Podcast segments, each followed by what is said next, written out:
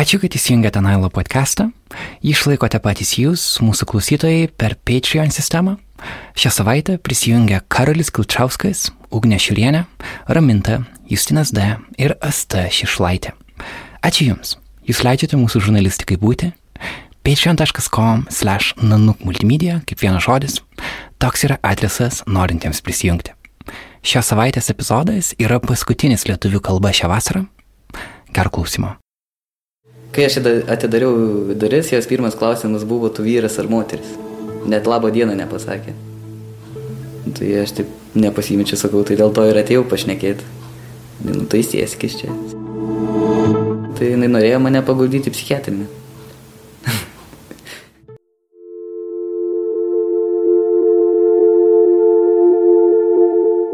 Sveiki visi, čia Karolis Višniauskas iš Nanuk, jūs klausotės Nailo podcast'o. Šiandien girdėsite specialų epizodą skirtą queer istorijoms, lietuviškoms ir ne tik. Savaitgalį salose Rokiškio rajone vyko kino stovykla pavadinta Įelektrintos tapatybės. Jos programa šiemet sukosi apie seksualumo supratimą ir queer kultūrą. Tai savo esmė yra eksperimentinio kino renginys, bet stovykloje buvo ir atskira audio erdvė, kurios dalimi medžiagos šiandien mes ir pasidalinsime. Ja kuravusios kolegės yra studijoje su manimi. A, labas Martina. Labas. Ir taip pat su mumis yra Vaida Pilibaitytė ir Vitaličytė, kolegės iš LRT radio. Labas, labai smagu Jūs matyti studijoje čia. Labas, ačiū, kad pasikvietei. Smagu čia būti, Karolin. Vaida ir Vita, Jūs taip pat kruojate projektą pavadinimu Radio klausykla, kuriame daro tokias audio perklausas, žmonių supažinimą su audio dokumentika, su radio dokumentika ir apskritai LRT radijus kruojat radio dokumentiką taip pat. Kaip visą tai siejasi su tuo, ką jūs padarėte kino stovykloje? Tai buvo savotiškas pratesimas jūsų iš tos idėjos. Galima sakyti, kad tai buvo išvažiuojama į radio klausyklą. Mes e, paprastai būname čia, dėl to mums čia gana jauku. Mes Mažydo bibliotekoje, kino salėje, tas perklausas rengiame jau uh, dviejus metus. Taip, rudenį bus trečias sezonas. Radio klausykla yra tokia, kaip mes paprastai prisistatome garso entuziastų, garso pasakojimų entuziastų, neformali visiškai grupė. Mes su Vita tik tais, e, esame tik tais dalis jos. O ir dar prisistatome šūkiu, užmerkite akis ir atverkite ausis. Ypač aktualu, jeigu mes prisistatome kino stovyklos kontekste, kur dažniausiai žmonės yra įpratę labai žiūrėti į ekraną, o mes raginame kartais užsimerkti, dėl to, kad mes tikime, kad radijas gali būti nemažiau vizualus negu kinas, bent jau toks radijas, kuris mums patinka, kurį mes stengiamės kurti, garso pasakojimai. Tiesą pasakius, radio klausyklą mes angliškai verčiame kaip radio cinema. Ir kino stovykloje buvo instaliacija, garso instaliacija, kurioje sukosi specialiai stovyklai e, mano atrinktas grojaraštis stovyklos tematika į elektrintos tapatybės, o Vita adaptavo mū, e, savo ir kolegės Indrės Anskaitytės renktas dokumentikas e, kaip mažesnės tokias garso erdvės, kurios pasislėpusios, išsibarščiusios Martynos va, pagalba buvo įvairiose kitose dvaro erdvėse. Ypač, man atrodo, svarbu šitos stovyklos temos kontekste, kad pažeidžiami žmonės, jie gal nenori būti filmuojami arba būna problematiška juos pristatyti su vaizdu. Čia išiškėja radio privalumas, kai mes girdim tik tai balsą, e, žmonės besiklausantieji gali labiau išgirsti žmogaus istoriją. E, kai nuimame vaizdą, nuimame ir taip pat iš ankstinės nuostatas, kurios gali būti susijusios su žmogaus išvaizda, pavyzdžiui. Ir teko girdėti tokių komentarų, kad kai kurias istorijas pasiklausę žmonės buvo labai kvėpti dar ir to, kad sakė, kaip puiku, čia užteko tik tai garso, ir aš labiau supratau, kaip tas žmogus jaučiasi, labai, labiau supratau jo gyvenimo aplinkybės ir labiau įsiklausiau į ką jisai sako. Viena iš istorijų buvo e, iš radio dokumentikos, kurią parengiau aš, tai buvo 2016 metais. Ir tuo metu buvo labai intensyvi diskusija Seime dėl galimos konstitucijos pataisos 38 straipsnio, kad būtų keičiama šeimos savoka, kad ji būtų patikslinama. Ir projektas, kuris buvo siūlomas Seime, būtų labai susiaurinęs šeimos savoką iki to, kad šeima yra tik tai moteris ir vyras savo santykius susiję santoką. Ir tai būtų reiškia, kad į tą savoką nebūtų patekę e, vieniši tėvai, vieniši tėčiai, vienišos mamos, seneliai auginantis savo anūkus, e, savo vaikų, kurie išvykę į užsienį ir taip pat tos pačios lyties žmonės, kurie e, gyvena santykėje, gerbdami vienas kitą ir nusprendė, kad jie yra šeima.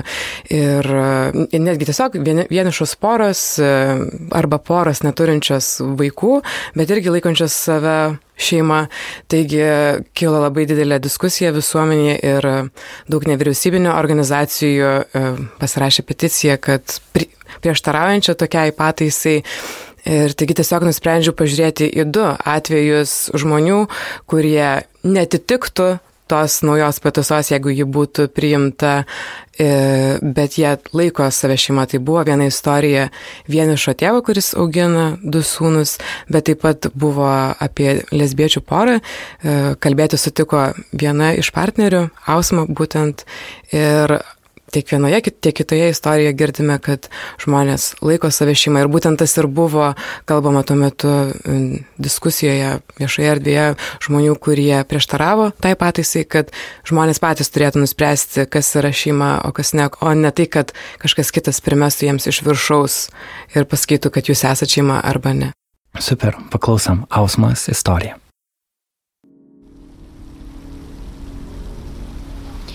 Mano šeima man yra e, aš ir mano partnerė.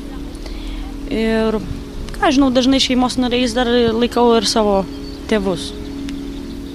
Kai žmonės pradeda kartu planuoti savo pradžioj dieną, po to savaitę, po to galbūt atostogas kitą vasarą, o vėliau ir kažkokius tai kitus e, tolimesnius dalykus ar tikslus po kažkiek daug metų, va tada manau, kad tai jau atsiranda šeiminiai santykiai ir nesvarbu, kiek jie trunka kad tuo momentu, vadinasi, tie žmonės vienas mm, nu, savo draugystę supranta kaip šeimą. Mes dabar važiuojam iš Vilniaus, važiuojam į, pirmiausia važiuojam į Sangrūdą, į mokyklą, kur eisim į pamokas. Aš turėsiu šiandien e, keletą pamokų ir burelį su vaikais. Tai ten pasisvečiuosim. O taip, mes paskui turėsim pertrauką ir važiuosim į bažnyčios choro repeticiją.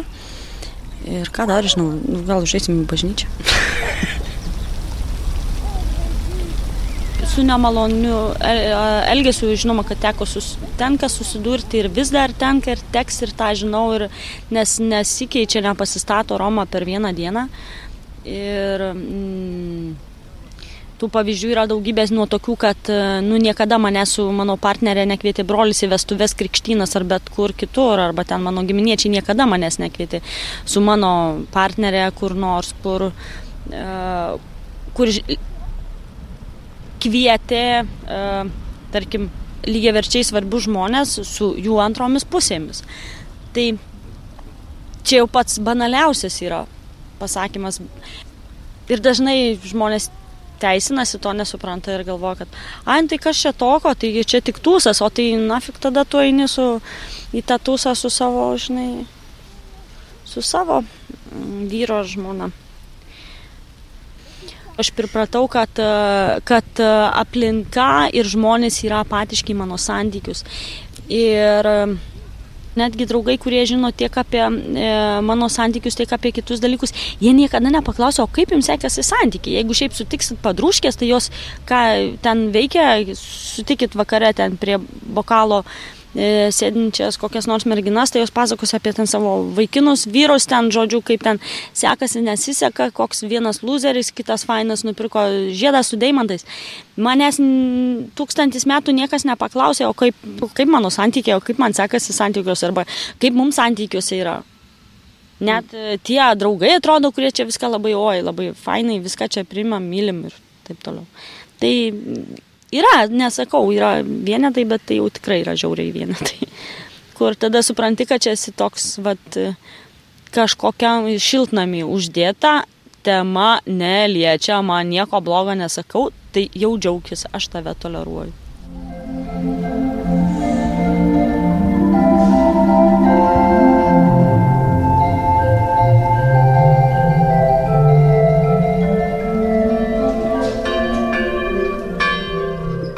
Tai mano darbas yra taip, mano mm, profesija yra muzika ir mano tokia specializacija yra vargonai ir aš dirbu su choru bažnyčioje, groju vargonais ir darau tuos dalykus. Ir taip aš turėjau istoriją, kai mane atleido iš darbo būtent iš bažnyčios, iš vargonininkės pareigų, ne dėl kompetencijos tokos, o prieimė gerokai.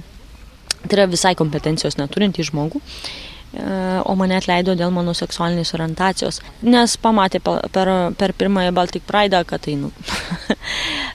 tai taip, tai buvo laikas, buvo laikas, kai labai pykau, galvau, keršyti ir visai kitaip ten, visai kaip. Ir man jisai buvo reikalingas išmokti, iš, jisai mane išmokė savo dalykų ir išmokė tas laikas ir kitus ir galiausiai vis tiek finišę mane vėl pakvietė ten pat dirbti ir, ir tiesiog aš noriu pasakyti apie tai, kad keičiasi, keičiasi ir požiūris, ir visuomeniai, o tai visuomeniai priklauso visos dalys, taip pat ir bažnyčia. Ir tai nebėra ta tabų tema, e, o tiesiog yra tai, kad aš ateinu dirbti ir tą darbą moku. Ir jis tengiuosi dirbti, nes jis man patinka, pas mane ateina žmonės mokytis muzikos, mokytis gėdoti.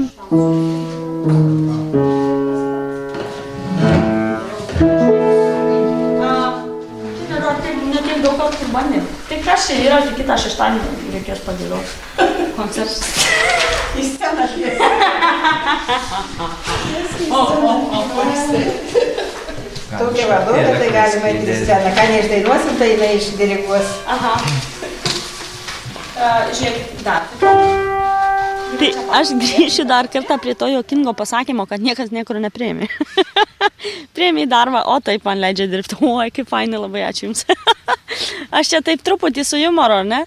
Mm, tai kaip ir minėjau, nu tai koks prieimimas, kiek truko. Nu šitie klausimai jie tokie jie tokie neatsakomi, todėl kad į tai neįmanoma atsakyti. Aš kaip ir minėjau, tas prieimimas trunkantis labai daugybę procesų ir, e, metų ir, ir vis tiek jisai toks, nu nėra finišo, o kada aš galiu pasakyti, kad mane jau prieimė. Vat kokį turi kryž, kur turiu sužymėti kryžiukus, kad aš galėsiu pasakyti, kad mane prieimė lygiai verčiai kaip heteroseksualų žmogų. Nu taip, yra žymiai lengviau, nu daug dalykų pasikeitė, bet vis tiek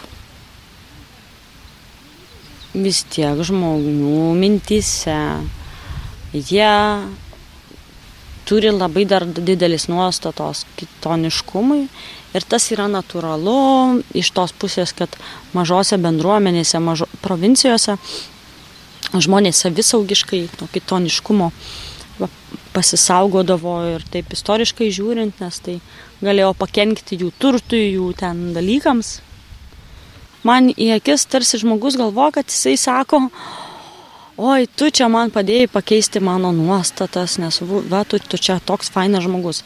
Jeigu tu į kitą žmogų kaip į priešą nežiūrėtum, tai negal, nereikėtų manyti apie visą pasaulį kaip apie blogiečius. čia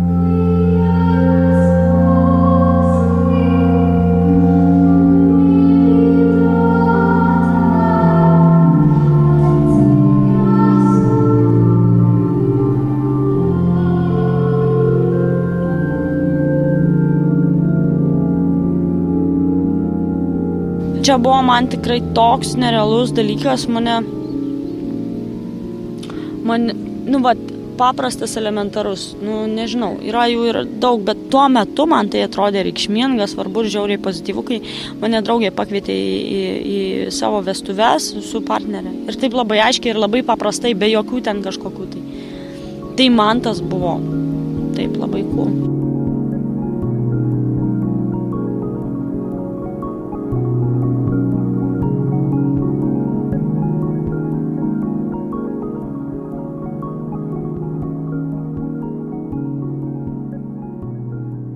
Iš kolegės Indrės Anskaitytės pasakojimo, kuris vadinosi Gimė ne savo kūnę. Antrasis herojus buvo vaikinas, kuris pasakojo apie savo kelią nuo vaikystės, kuomet jisai jautėsi nuo pat mažens kaip berniukas, iki tol, kol jis buvo vienas pirmųjų Lietuvoje oficialiai savo tapatybę įtvirtinęs dokumentuose, kuomet jis gavo pasą. Apie tai ir ši istorija.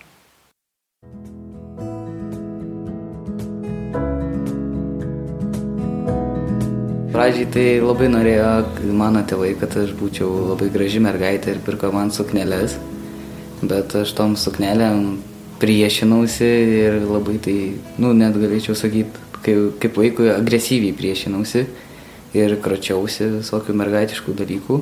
Nu ir galiausiai vienu momentu kažkur, nu, nu nuo septynių metų, kai pradėjau eiti į mokyklą, tėvai ir pasidavė ir nebepirko man tų suknelių toks jausmas buvo, kad mano tėvai laukia, kol aš pats pasakysiu, kas aš esu, o tiesiog tuo metu vaikystėje man leido būti savim.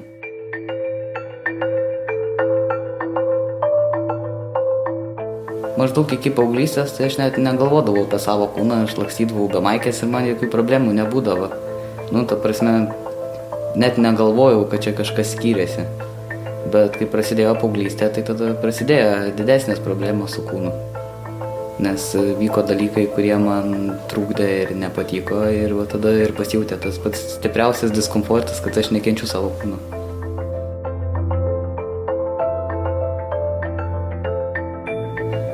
Kiekvieną mielą dieną eidavau į mokyklą ir žinodavau, kaip bus.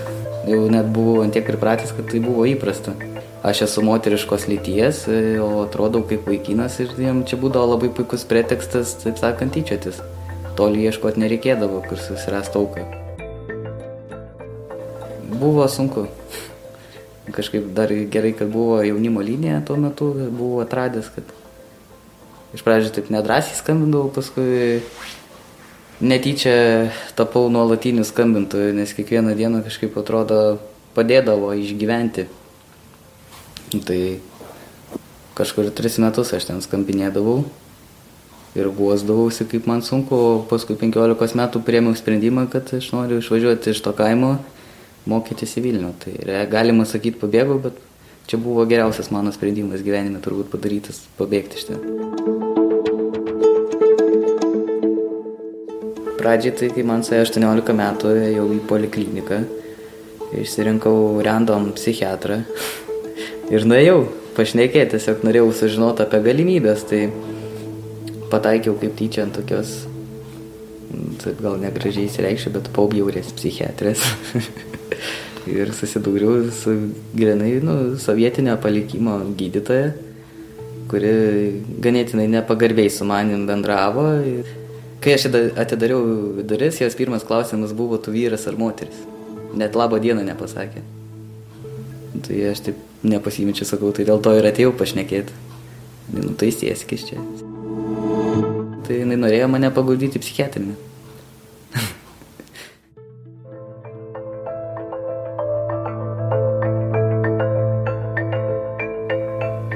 Buvau nusivylęs, piktas, realiai porą metų aš laukiau.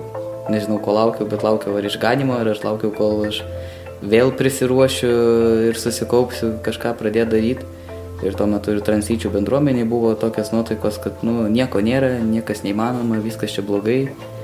Buvau pradėjęs galvoti apie Latviją kaip variantą, nes ganėtinai arti ir, ir kainos buvo panašios, ir galimybės panašios. Tai, bet paskui galvoju, ką man važiuoti į Latviją, jeigu reikia pabandyti Lietuvoje dar. Taip, kažkaip tokia paskutinė viltis buvo, kad nu dar pabandysi. Nu ir kai pradėjau ieškoti, tai realiai radau, radau, to, radau psichiatrės kontaktą, Dar atsimenu, kaip šiandien, kai aš jai paskambinu.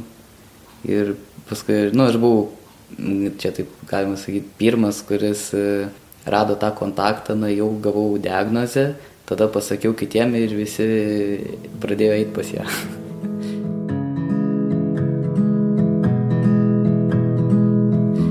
tai buvo realiai pirmas žmogus, e, kur, nu, ta prasme, ir ir draugiškas, ir atviras, ir nesityčia, ir to prasme žiūri kaip į žmogų, ne į kažkokį psichinį ligonį.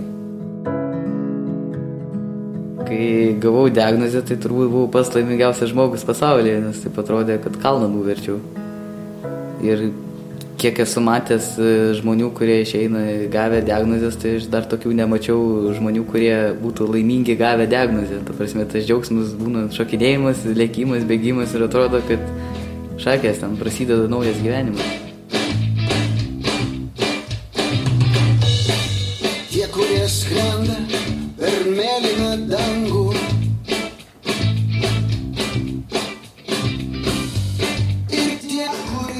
Ir realiai nuo paauglystės aš jos klausiau, bet labiausiai jinai veikia, kai prasidėjo teisminis procesas, tai vat, kažkaip labai palaikė šitą dainą.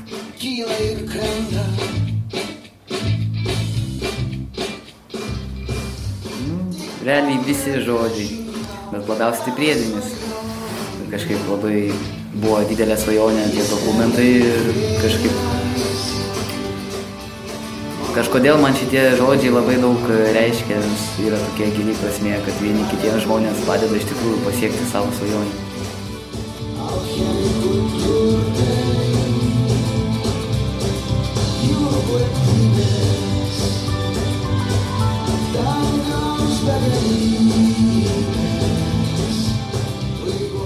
Buvo pirmas teismas, tai mano draugo ir pirma pergalė buvo jo. Buvau aš tam teisme ir stebėjau posėdį ir stebėjau, nu, klausiau paskelbimą nuosprendžio. Tai pirmą akimirką nepatikėjom, kad laimėjom. Nepatikėjo ir advokatas ir mes taip stovim ir kalidoriui išnekam, ar mes čia tikrai laimėjom. ir kai, kai atėjo jau po mėnesio įsigaliojo sprendimas, nu, ta prasme jau tada pradėjom gyventi tom nuotaikom, nu, kad iš tikrųjų laimėjom ir leido. Tada buvo mano teismas ir jau kažkaip, jau, jau žinojau, kad ir aš laimėsiu. Civiliniam kodekste yra parašyta, kad nesusituokęs pilnametis asmuo turi teisę pakeisti lytį. Bet, kad Lietuvoje keisti lytį galima, niekur nėra. Nu, ta prasme, nėra tokio įstatymo, kad Lietuvoje lytį keisti galima. E, Pagal tą civilinį kodeksą, jeigu aš, tarkim, nuvarau į Tailandą, pasidarau operacijas, viskas susitvarkau hormonus, grįžtu į Lietuvą, paduodu te, nu, išrašus teismui, e, tai tada man keičia. O šitos pergalės, kurios buvo pasiektos Lietuvoje per teismą, tai e, man leido pasikeisti vardą ir pavardę, netlikus pilnos e, lyties keitimo operacijos. Nu, ta prasme, nes kitur reikalauja ci- ci- sterilizacijos. Tai tada būtų reikėję vis tiek važiuoti ir daryti, nes nu, ten daug pasunkintų dalykų būtų buvę, jeigu būtų neleidę. Kai gavau naujus dokumentus, dar atsimenu, kai buvau pasų poskirį ir aš labai norėjau greičiau ir paprašiau, kad man per penkias dienas padarytų tą dokumentą ir turėjau rašyti pasiaiškinimą, kodėl aš noriu, kad man dokumentus padarytų per penkias darbo dienas. tai parašiau, kad labai noriu greičiau pradėti gyventi. Tai taip paskaitė, sako, okei. Okay. Ir.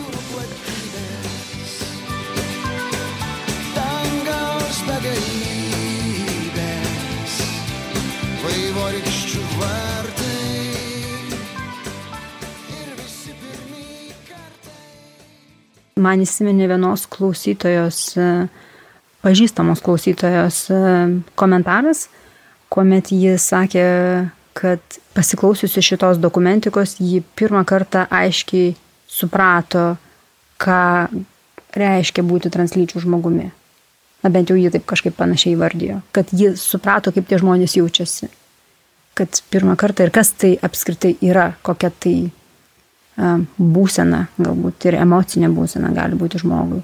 Mm. Tai, Tiesa, mes sulaukėm žinučių, gavome Facebooką žinučių ir taip pat buvo palaikymo reakcija ir padėkos, kad tokia tema buvo LRT radio eteryje. Mhm. Ir tiem žmonėm buvo irgi toks, tokia nuostaba, taip pat pirmą kartą galbūt netgi viešoje erdvėje jiems teko sužinoti daugiau, bet e, taip pat um, tai žinutė klausytoje išreiškė tiesiog ir um, padėka, kad jaučiasi ne viena. Mm, kaip gražu ir turbūt taip, turbūt radijas, kalbant ypač apie tokias asmeniškas temas, radio dokumentikos žanras turbūt labai gerai tam tinka. Tai labai džiugiuosi, kad galim, tai, galim tuo dalintis ir su mūsų podcast'o klausytojais. Um, Martina, tu taip pat parašy tem, dvi temas kino stovyklos programai. Um, viena iš jų mūsų klausytojai bus girdėję seniau, tai buvo Silvanos istorija, lietuvės, švedės, sirės, reperės istorija. Mes su jie buvom išleidę pilną interviu, bet viena istorija yra visiškai nauja, likščiol nepublikuota. Ar gali apie ją papasakoti? Mhm. Tai ta istorija, tas interviu buvo padarytas beveik lygiai prieš metus, praeitą rūpjūtį. Tuomet mes ruošiam pasakojimą apie anoniminius alkoholikus ir Vilniuje tuo metu vyko Europos jaunų žmonių anoniminio alkoholikų bendruomenėje susitikimas. Ir dalis ten atvykstančių žmonių yra nebūtinai patys anoniminiai alkoholikai, jie e, tiesiog priklauso tokiai gretutiniai bendruomeniai e, žmonių, kurie ieško paramos, kai jų šeimose yra alkoholį vartojantys žmonės. Ir e, vienas iš pokalbių būtent ir buvo su tokiu žmogumi. Tas pokalbis nebuvo apie tapatybę ar kažkokią seksualumo temą ar lyčių temą. Mes pradėjom pokalbį tiesiog nuo, ką reiškia gyventi su žmogum turinčiu tokią lygą ir kaip jis pats gyvena, kaip jisai sprendžia, kaip jisai sprendė e, e, savo kasdienybę.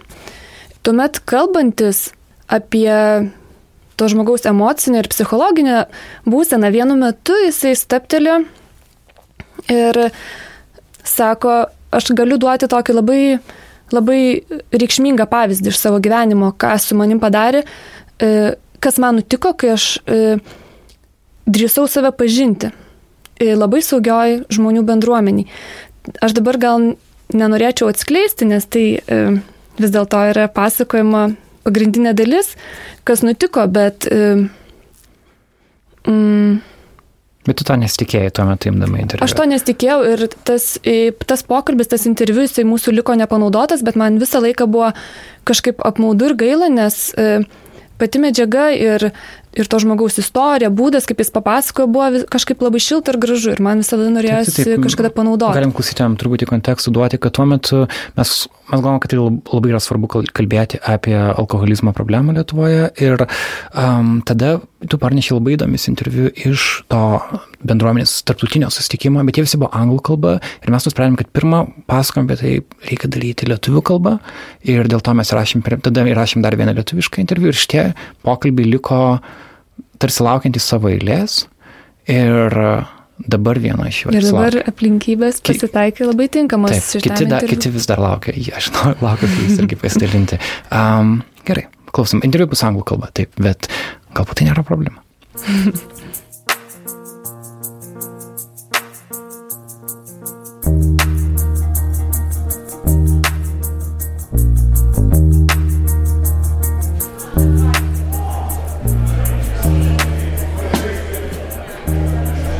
I was brought up um, near Liverpool in England. Uh, my father was not an alcoholic. My mother was not an alcoholic. My sister was not an alcoholic. My first wife was not an alcoholic. And so I didn't know anything about alcoholism at all. Um, when I married a second time, I didn't recognize that my then girlfriend, soon to be wife, was an alcoholic. I thought she just drank quite a bit. And alcoholics can be very clever at hiding their drinking. They can be very deceitful. So I got married without realizing I was marrying an alcoholic. I felt despair because I'd, I'd already had one marriage fail, nothing to do with alcohol. And I'd got married a second time, and I thought, I've got it all wrong again. I'm going to have a second marriage fail almost immediately. And I became a sense of real failure began to envelop me and fear. Um, and I felt out of control. I felt my life was spinning out of control. I was, it was like having no internal compass. You know how we all can kind of work out which direction to walk in when we're going somewhere. And I felt I'd lost that sense of both self and where I was going because I was so preoccupied by a chaos I didn't understand. And it harmed me, and um, a lot. And I started looking around on Google and what have you, looking, and I, I worked out through that. Uh oh, my wife's an alcoholic. I've been married maybe a year and a half, a bit longer, and I went along to the local alcoholic rehabilitation centre just near where I live in Bristol, and I said, "Is there any help available to me? I'm struggling. I don't know what to do. I'm lost." And they said, "Yes, there's Al-Anon. We have a meeting here on Thursday nights." So then I said, Great, I'll come.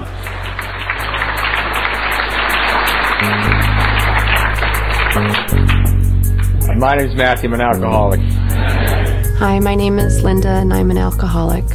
Hi, Linda. My name's Bob Darrell, and I am alcoholic.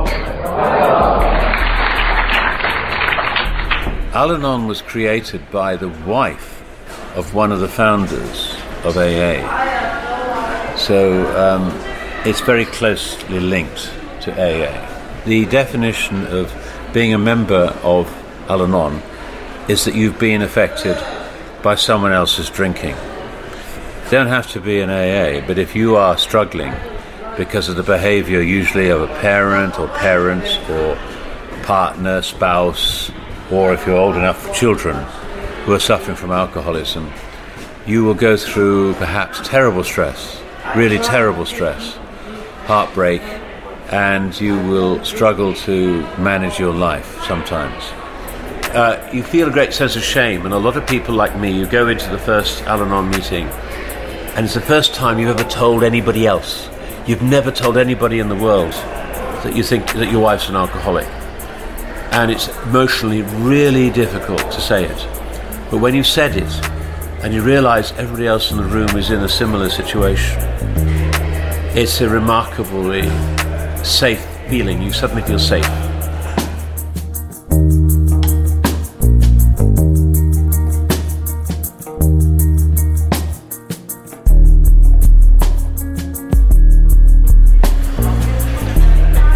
It's a little hard. It's very subtle. I mean, it's very difficult if you're not in the these fellowships. It's very hard because you, we do a lot of reading, a lot of learning, and a lot of listening. So it, it, it takes a long time to get to un, not first to understand it, and then to live it. It's not a cult. It's not a religion. Um, it's a kind of spiritual way. But to explain to you quickly how it works at times can be difficult because it grows on you, learning different behaviors. So, for example, I have to learn to accept who I am. Who am I? And I've learned things about myself that have nothing to do with alcohol. I simply stop worrying, start worrying less about what other people think of me. That may seem strange, but if you're in an alcoholic background, you've got to be careful not to listen and be hurt by what other people say. But then you start to apply it to the rest of your life and start to learn not to be hurt by what the world is saying to you if you can.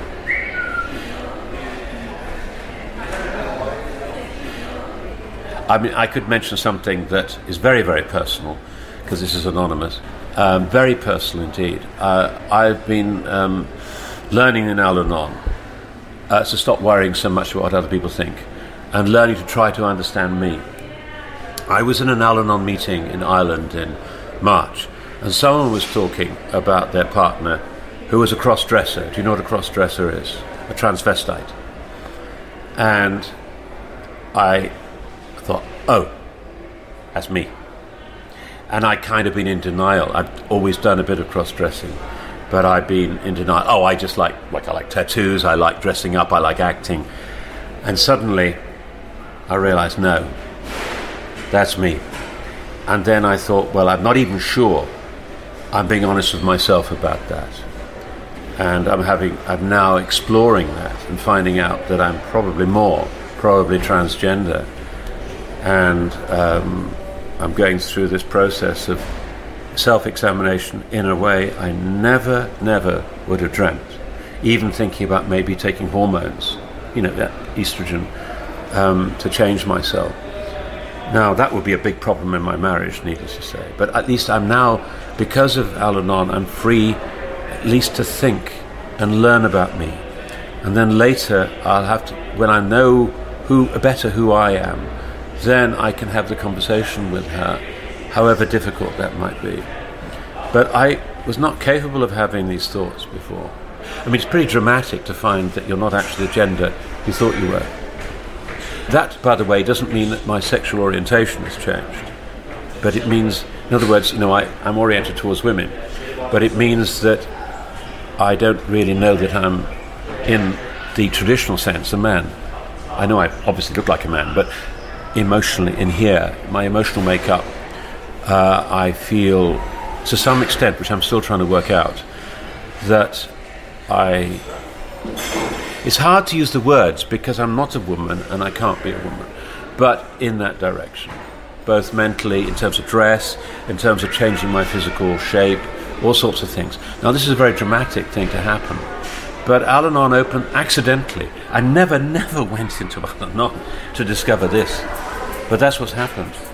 And I found support from people in Al Anon, in AA, where I can get some emotional support while I'm looking at that and getting some professional help. And it's amazing.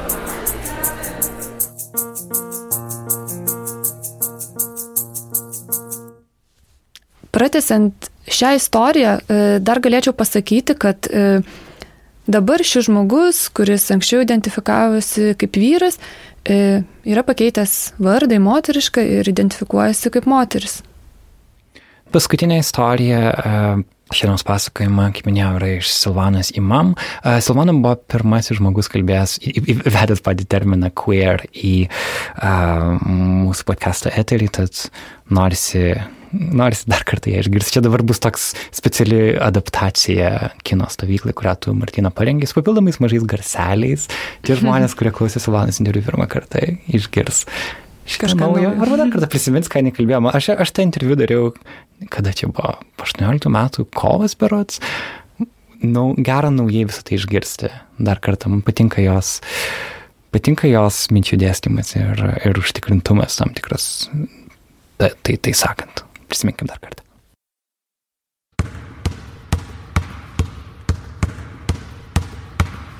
Uh, being a woman, gay woman, it equals, you know, suffering in, when you're like because of the, how the world is uh, formed. so that sucks.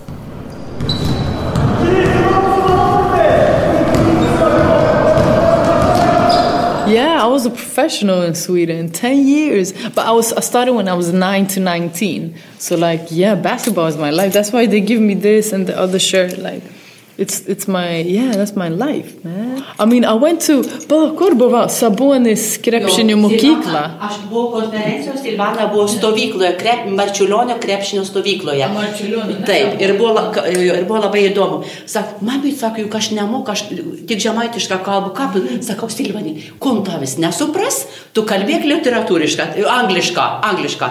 Ir kas svarbiausia, kad komandoje žaidė tik berniukai. Didesni už tave. Ir aš nenoriu girti, nes ji niekada nesako apie save. Jis sakė, nu kaip šita mergaitė, žiūrėkit, kaip jinai žaidžia, žiūrėkit, mokykitės iš jos, marčiulionių, žiūrėkit, kaip daro viską. Tikrai, aš tą prisimenu. No, taip sakė, taip. taip. So it's true, they said that. My shot, I have a very good shot. Every day, it's my life. I, I mean, if I wouldn't do, I mean, I want to be a sports reporter or something like that. So yeah, I mean, it's now I just I want to see the NBA, uh, fi- like the finals this year. Maybe I can go there. I'm the same as I was when I was seven, eight. I, I don't feel any. It's not a no difference. Usually, I just walk around with a hoodie and a, um, like a lumberjack, like a bombayaka. I did that when I was seven. I do that now. I'm the same person, man.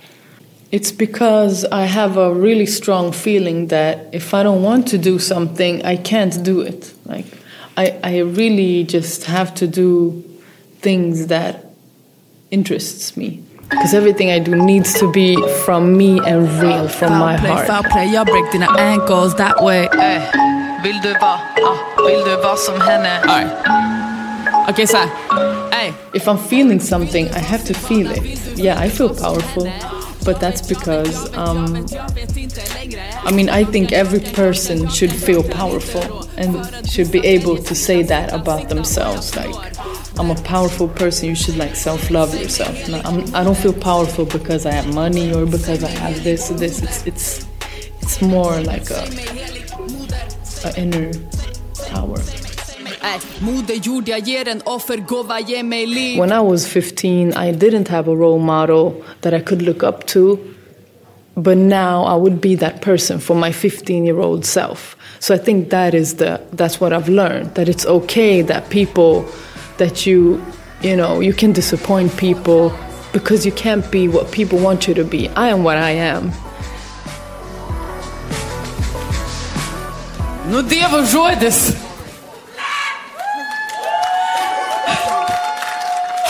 لي أنا بعرف أنت تفهم شو عم بحكي أنا.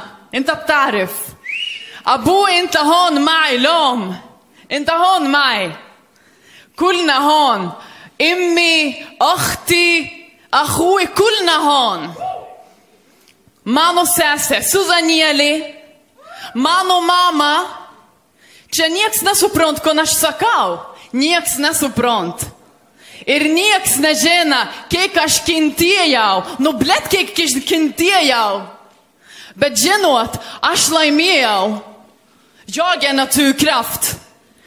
Shukran, ačiū, tack.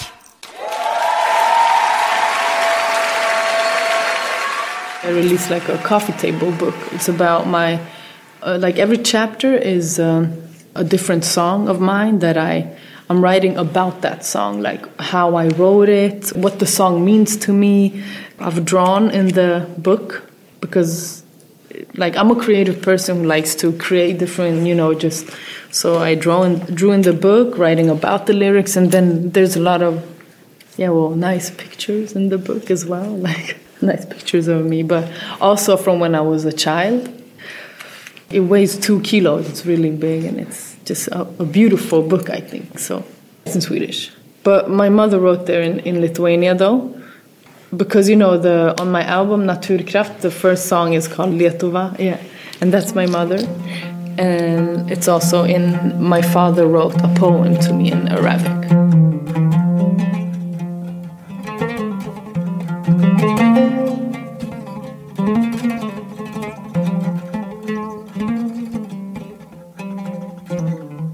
ياسمينة في الشمال. هل سمعتم بياسمينة تزهر في شمال الكرة الأرضية؟ إنها ابنتي سلفانا الإمام. سلفانا هي تلك الياسمين التي تمتد أحد جذورها لسوريا وطن الياسمين. Okay, Lithuania, like mainstream Lithuania is like embracing me, and that's great because if I get my ideas out there, then it can sipper, like then it can come down to, you know, then these people can like, yeah, but, or these people can like, yeah, but so you're accepting Savannah, but you're not accepting us. What does that mean? And they'll be like, uh, you know, I'm like, it's very interesting how mainstream media is really like uh, giving me a hug and like oh you're like a good revolu- a good person revolutionary you're smart blah blah i, I know I, I mean we all understand intellectually why it's like that. Because i'm from sweden and i have a movie and everything is yeah i'm representing lithuania blah blah you know but like don't get it twisted. I'm not with you. Like i'm not with these people that are that think they are with me. If they are with me then they are with them. Are they supporting the, the, the, queer movement? No, they're not. So I'm like, fuck me. I don't give a fuck about me. Like, don't care about me. The real heroes are out there fighting here. And that's why I'm saying, like, if they don't support these people, the queer movement here in Lithuania, then don't even bother speaking to me. I'm not, you know, I'm not representing you. I'm representing the queer movement. I'm representing something bigger but they're not getting the media attention. They're getting spit it, spit at and and that's very important for me too. Like really yeah i mean i hope i can help. I'm just these people that are the real heroes in lithuania. I mean they're the look at the books everything the exhibitions. I mean doing that here man. Jai 27 kai ji susitinka Remhua. Ji žinojo, kad tai kažko didelio pradžia.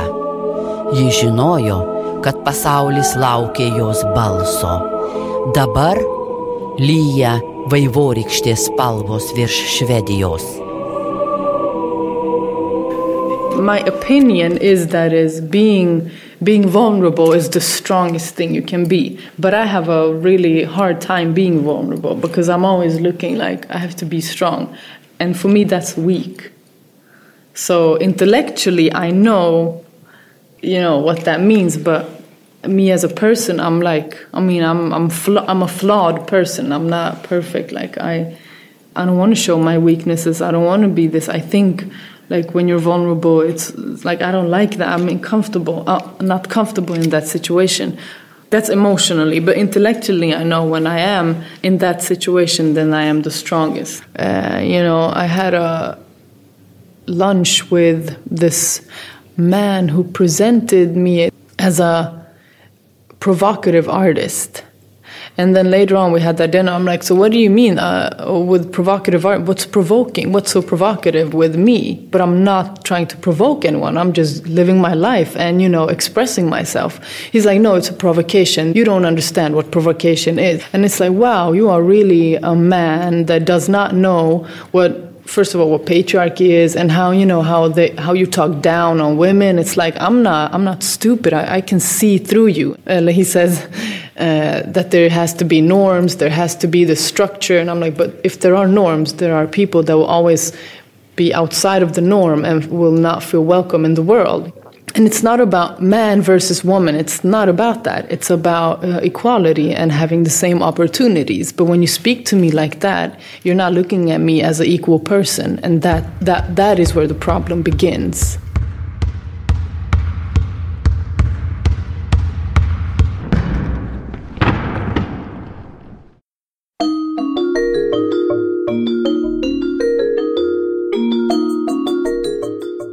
Vaida Vita, ačiū labai Jums džiugiuosi šitą bendradarbiavimą tarp LRT dokumentikos ir e, Nanuk žurnalistų. Aš sakau pats radio dokumentikos veiklą ir norisi, norisi su jumis rašyti ilgą gerą interviu vieną dieną apie radio žurnalisto darbo užkulisius. Kol kas uh, džiugiuosi, kad queer tema galėjo būti ta tema, kuris sujungia mus šiandien. Ačiū labai už tai. O aš dar galiu pakviesti į kitą radio klausyklos sesiją, kuri bus čia Mašvido bibliotekoje šeštadienį, rugsėjo 14 dieną ir mes turėsim labai specialią viešinę radio dokumentikos, meninės radio dokumentikos meistrė iš Danijos, Riki Haut, kuri labai irgi įkvėpia ir, galima sakyti, tam tikrą prasme būtų labai smagu turėti tokią mokytoją ir iš jos mes mokomės klausydamės jos darbų, o čia galėsime gyvai su ja susitikti ir turėti gyvą perklausą jos darbų. Čia va, už sienos. Super, rugsėjo 14-ąją. 15 val. Radio Jėga. klausyklos Facebook paskyroje bus renginys jau greitai keltas. Visiems. Ateisim. Taip ir ačiū Martino Mažvido bibliotekai už tai, kad galim jų studijoje įrašyti čia mūsų balsus. Ačiū garsistai Aistį Paltraitytai už tai, kad yra kitoje pulto pusėje. Ir taip pat ačiū mūsų Patreon bendruomeniai, tai yra žmonės, kurie padeda mūsų žur- žurnalistikai būti. patreon.com slash nanuk multimedia. Toks yra adresas, norint palaikyti podcastą. Aš žinau, kad studijoje yra vienas žmogus, kuris yra mūsų patronas. Tai yra Vita. Ačiū tau, Vita. Ačiū ir Dominui, kuris padėjo tvarkyti šių trumpų istorijų garsą. Ir taip pat ačiū mano Avilio komandai, kurie kino stovyklą ir organizavo.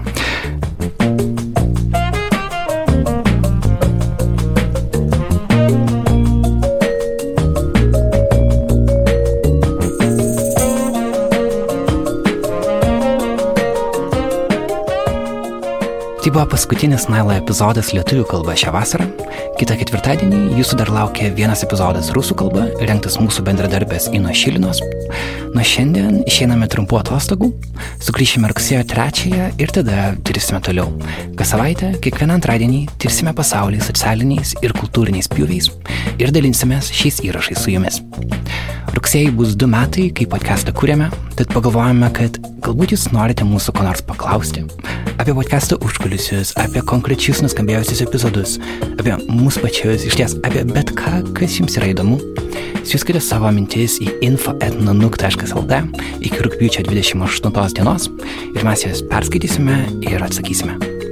Ačiū dar kartą mūsų klausytojų bendruomeniai Patreon, jūsų jau beveik 450 ir sakau visiškai atvirai, be jūsų šio podcasto nebūtų, arba jeigu jis būtų, jis nebūtų toks dažnas, jis nebūtų toks aktyvus ir taip toli nuėjęs.